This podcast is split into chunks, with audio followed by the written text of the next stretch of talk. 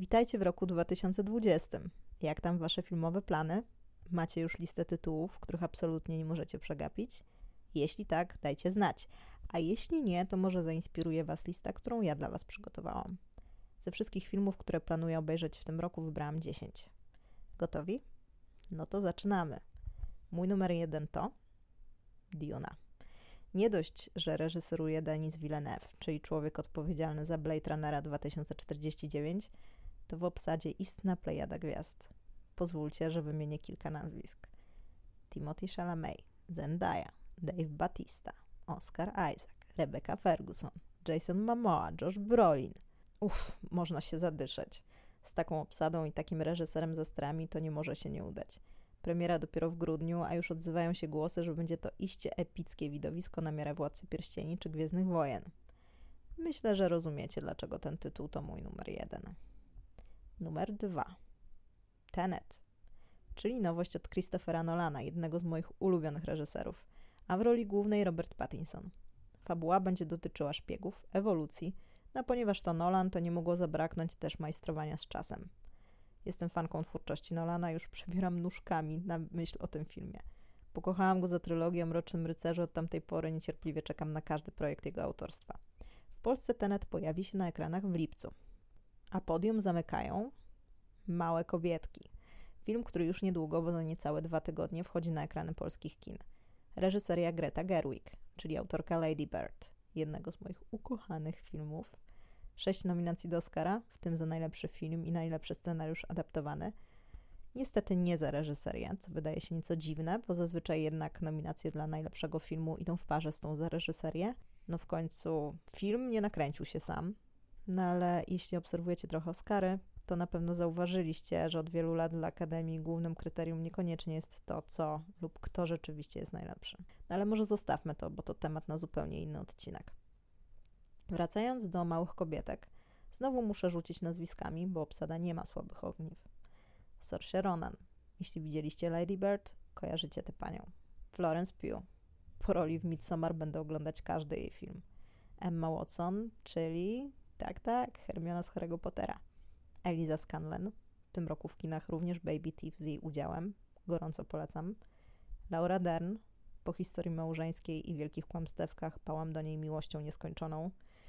No i Meryl Streep, a tego nazwiska przedstawiać nie muszę.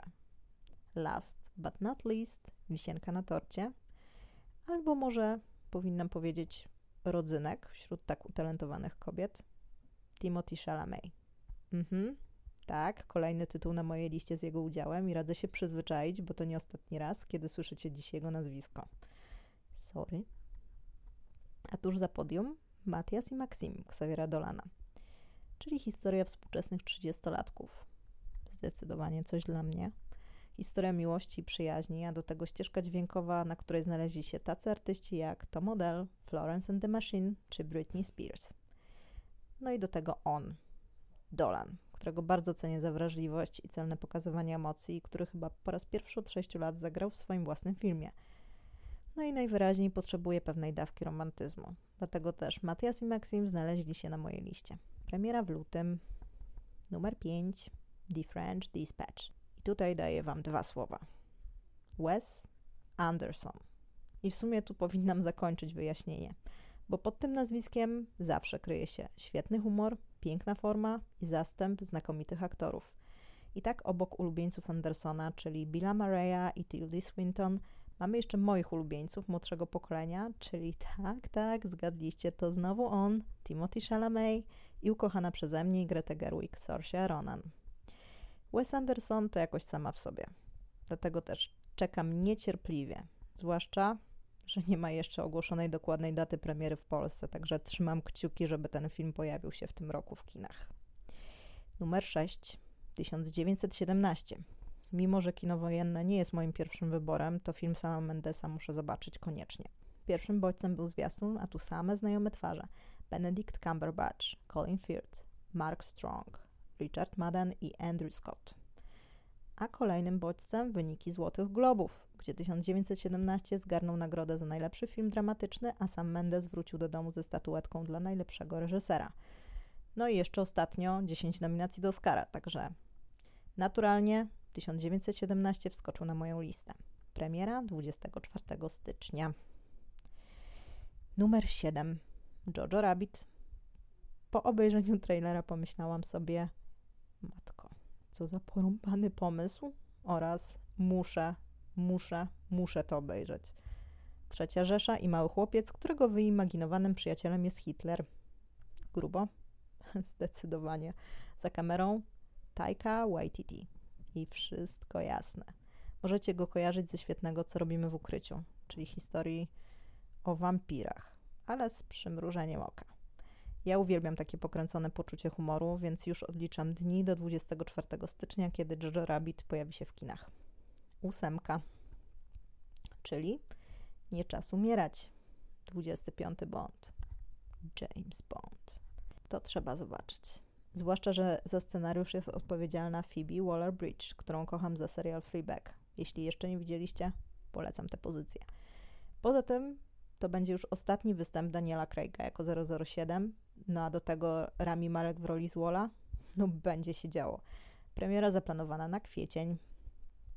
Na miejscu dziewiątym Czarna Wdowa. W tym miejscu w imieniu wszystkich fanów Marvela nareszcie. Po tylu latach bez własnego filmu Czarna Wdowa się doczekała, a my razem z nią. W roli głównej oczywiście Scarlett Johansson, której partnerować będą Florence Pugh, tak, tak, to ta sama Florence, dostała nominację do Oscara za Małe Kobietki, i David Harbour, czyli Hopper ze Stranger Things.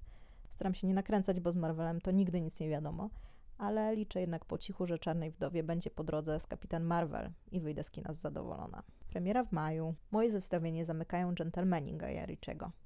Temat brytyjski świat przestępczy i baron narkotykowy. W obsadzie Matthew McConaughey, Colin Farrell, Charlie Hunnam i Hugh Grant. Jeśli nie mieliście jeszcze planów na walentynki, no to już macie. Wiem, konkurencja w tym roku jest duża, w końcu na ekranach będzie gościć polska wersja 50 twarzy Greya, czyli film 365 dni. Wierzę jednak, że wybierzecie mądrze. No co, wygląda na to, że dobrnęliśmy do końca. Co myślicie o tym zestawieniu? Na jakie tytuły Wy czekacie najbardziej? Dajcie znać i do usłyszenia wkrótce.